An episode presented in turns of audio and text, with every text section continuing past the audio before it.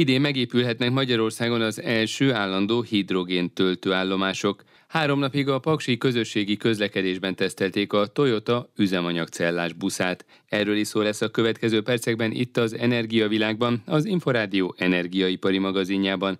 Üdvözlöm a hallgatókat, Király István Dániel vagyok. A következő fél órában tartsanak velem. Energiavilág. Az energiavilága a világ energiája.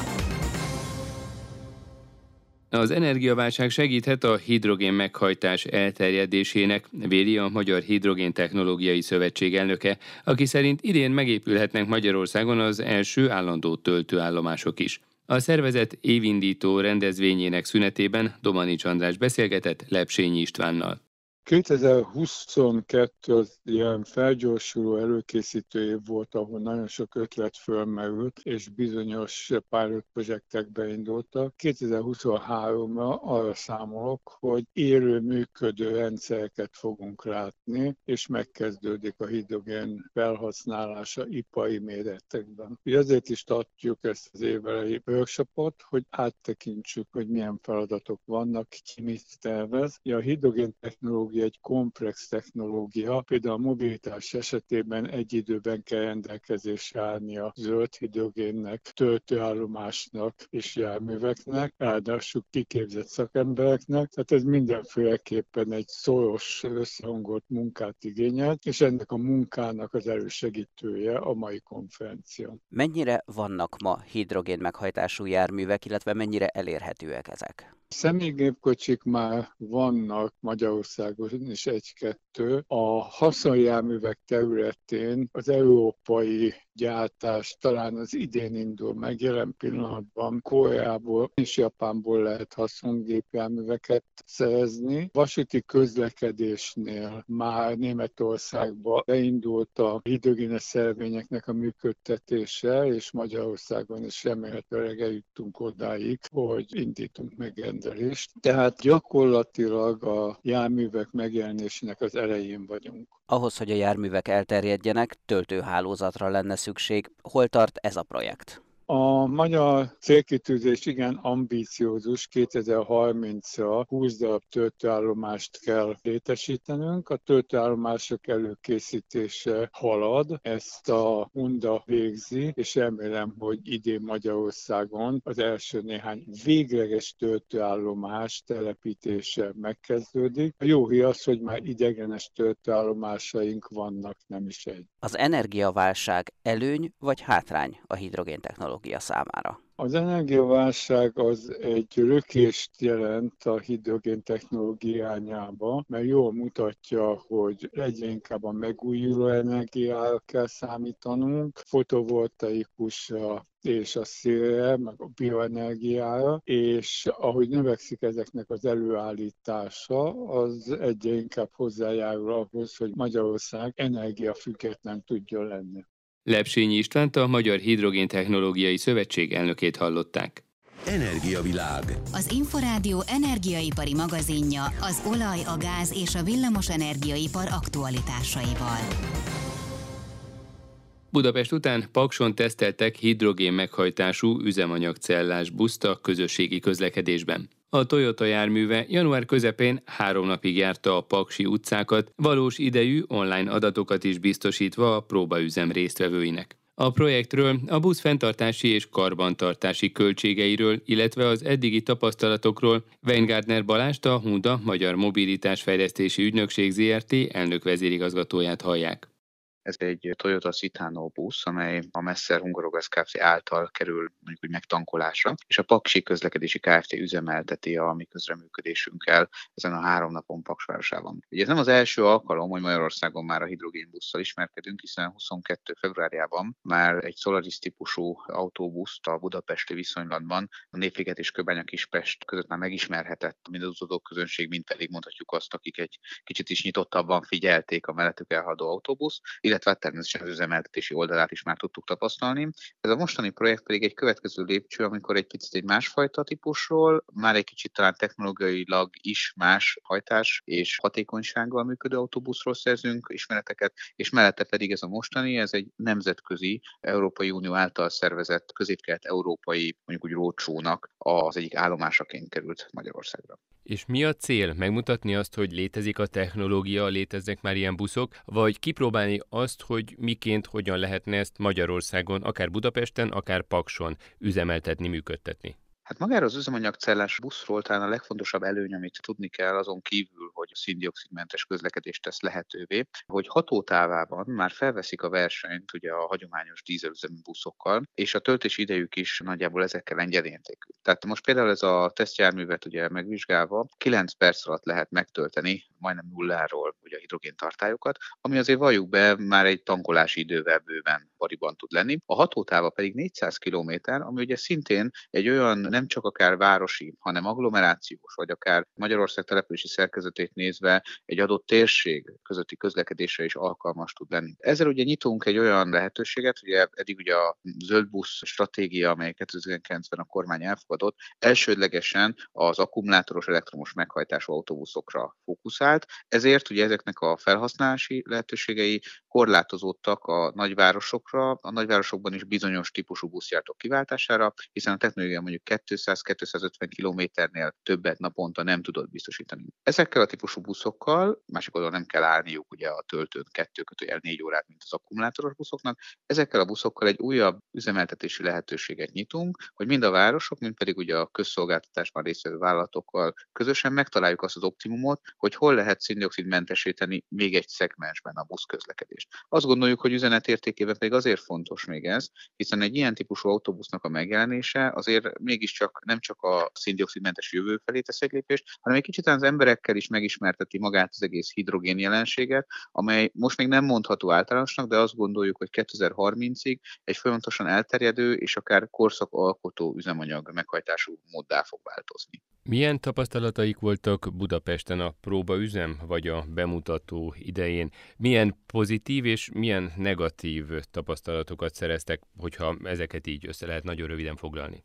2022-ben, amikor a budapesti próbát csináltuk februárban, akkor látványos volt az érdeklődése a lakosságnak. Eleinte nem ismertek felszállni az utasok a buszra, hiszen ugye a dizájnjában is egy kicsit más típusú volt, mint ugye a megszokott kékszínű autóbuszok itt Budapesten, de aztán, amikor látták és megismerték, hogy a sofőrtől érdeklődtek, hogy miről van szó, akkor meglepődöttség után egy egészen kellemes utazási élménnyel tudtak társulni. Szerencsére Pakson is ugyanezt a érdeklődést tapasztaltuk, ugye itt ingyenesen vették igénybe ebben a három napban a lakosok a járművet, plusz mellette pedig sikeresen szerveztünk rá ugye olyan diákcsoportokat is, akik egy kicsit mondjuk ugye az jövő üzenetét tudták megkapni a buszra felszállva, és azért alapvetően mindenkinek az érdeklődését elnyerte, mind a fiatalok, mind pedig akár az idősebbekről is beszélünk, hogy mégis miről van szó, mi hajtja ezt a buszt, miért ilyen csendes, vagy éppenséggel ugye az, hogy egyébként komfortjában is egy egészen más utazási élményt nyújt. Tehát azt gondolom, hogy amellett, hogy természetesen korábban említettem, hogy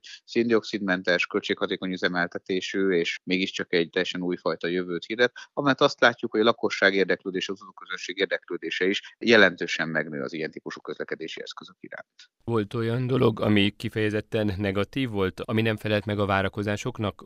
Természetesen ami a nehézséget jelenti az az, hogy alapvetően azért hidrogén töltő állomásaink Magyarországon még csak egy van teszt jelleggel, tehát nem elterjedtek. Tehát mondjuk ugye negatív tapasztalat az tud lenni, hogy ha most vásárolnánk is ilyen autóbusz, akkor azt nagyon korlátozottan és lokálisan használhatnánk, tehát először a töltő infrastruktúrát is át kell gondolnunk, és egyébként erre is folyik egy kormányzati program kidolgozása, hogy milyen töltő infrastruktúrát és hova érdemes telepíteni, ahol ezek az autóbuszok használhatóak. Pont ezért is próbáltuk ki Budapesten, ugye egy mondjuk úgy világvárosnak tekinthető fővárosban, ahol ugye azért a 400 kilométeres hatótávok a, a város különböző távolsági pontjai között egy napi közlekedés szükségessé tehetnek, míg próbáltuk ki Pakson, ugye az idei elején, ahol pedig ugye mondjuk egyrészt Paks a hazai hidrogénvölgynek a középpontja, ugye a nukleáris energia termelés és eznek kapcsolódó hidrogénellátási lehetőségei miatt, mellette pedig ugye Paks és mondjuk az agglomerációja szintén alkalmas ilyen típusú autóbusz futására, például mondjuk begyűjteni ugye a reggeli munkásjáratot, vagy éppen a délutáni műszakot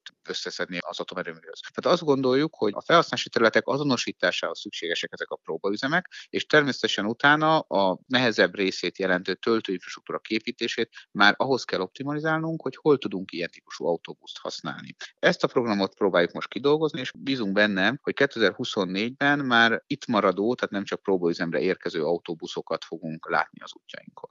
Milyen nehézségek, illetve milyen feladatok vannak még azelőtt, hogy ezeket a típusú buszokat menetrend szerinti járatként alkalmazzák, mert hogy ugye mondta az infrastruktúrát, mi az, amit még ahhoz, hogy mondjuk itt tömegesen, de legalábbis nagyobb számban és állandóan hidrogénbuszok üzemeljenek Magyarországon, meg kell teremteni. Elég mondjuk, ha Paksot nézzük, vagy Budapestet, egy-egy viszonylatot, egy vagy akár két töltőállomás, és akkor oda a buszok?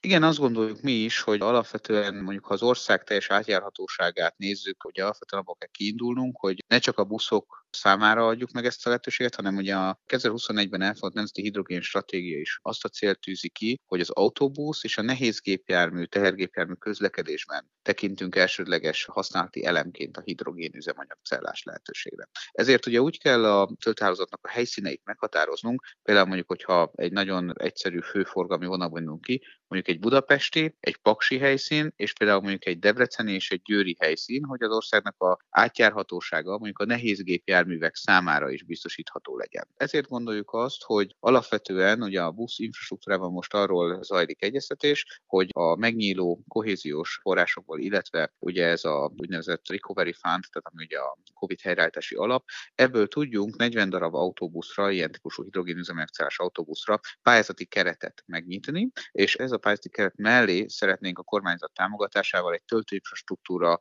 fejlesztési programot elindítani, tehát hogy párhuzamosan tudjunk kicsit haladni azzal, hogy amíg a városok és a településekre a buszoknak a pályázatát kiírjuk, addigra már lássuk azt, hogy mi hova tudunk töltőinfrastruktúrát telepíteni. Azt gondolom, hogy emellett ugye természetesen a legnagyobb kihívást az jelenti, hogy be kell vonnunk más vállalatokat is, hiszen akkor éri meg ezt a töltőinfrastruktúrát letelepíteni, ha nem csak a odaérkező, mondjuk ha 40 darab buszról beszélünk, hogy lokálisan 10 darab busz az ország egyik térségébe tankol ezen a kúton, hiszen az naponta maximum másfél-két órás lekötöttséget jelent, hanem minél több olyan programot kell találnunk, ahol mondjuk meg tudunk győzni például fuvarozó váltokat, ahogy az előbb említettem, hogy ők is váltsanak erre a zöldebb megoldásra, és hidrogén üzemanyagcellás kamionnal érkezzenek meg a töltőállomások használatára. Ez egy nagy kihívás lesz, hogy ezeket a programokat lokálisan össze tudjuk egyeztetni és megszervezzük, és természetesen meg kell nyernünk ehhez azért a lakosság és az utazó közönségnek a még támogatását. Ebben most az érdeklődések alapján úgy látjuk, hogy könnyebb útunk van. A másik oldal a hardware oldal szempontjából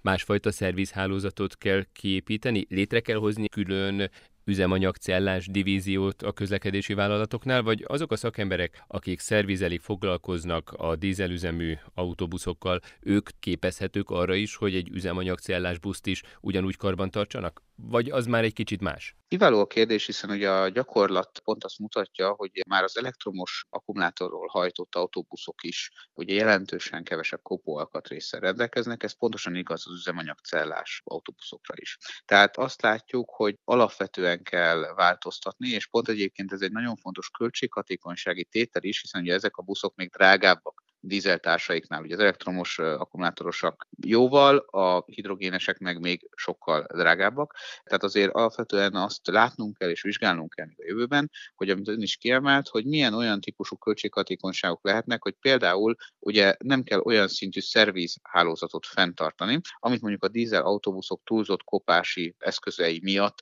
fenn kell tartani. Az, hogy egyébként ehhez technológiailag kellenek-e más szakemberek, ez egészen biztos, hiszen egy hidrogénüzemanyagcellás autóbusz már csak önmagában megtankolni is rendeznünk kell szabályozók szintjén, hogy pontosan milyen papírra és milyen feltétele lehet, hiszen ez egy teljesen új szakma lesz, egy teljesen új, mondjuk úgy kategória lesz az ilyen típusú emberi állománynak, tehát hogy nekünk is ezt még meg kell határoznunk, hogy milyen feltételekkel is kitankolhatja a busz. Az, hogy ennek a szereléséhez is egy másfajta technológiai tudás kell, vagy legalább át kell képezni részben azt az állományt, aki eddig szerelőként mondjuk a dízelüzemű autóbuszokat szerelte, ez is egészen biztos. Tehát ezek is fontos lépések lesznek a jövőben, hogy hozzá tudjuk ugye az autóbuszok megjelenéséhez igazítani az ilyen típusú képzettségnek is a meglétét azokon a helyeken, ahova az autóbuszok megérkeznek. Azt említette, hogy ezek a buszok jóval drágábbak az elektromos buszoknál, természetesen még drágábbak a dízel üzemű buszokhoz képest is, viszont az üzemeltetésük, a megtett kilométer versus üzemanyag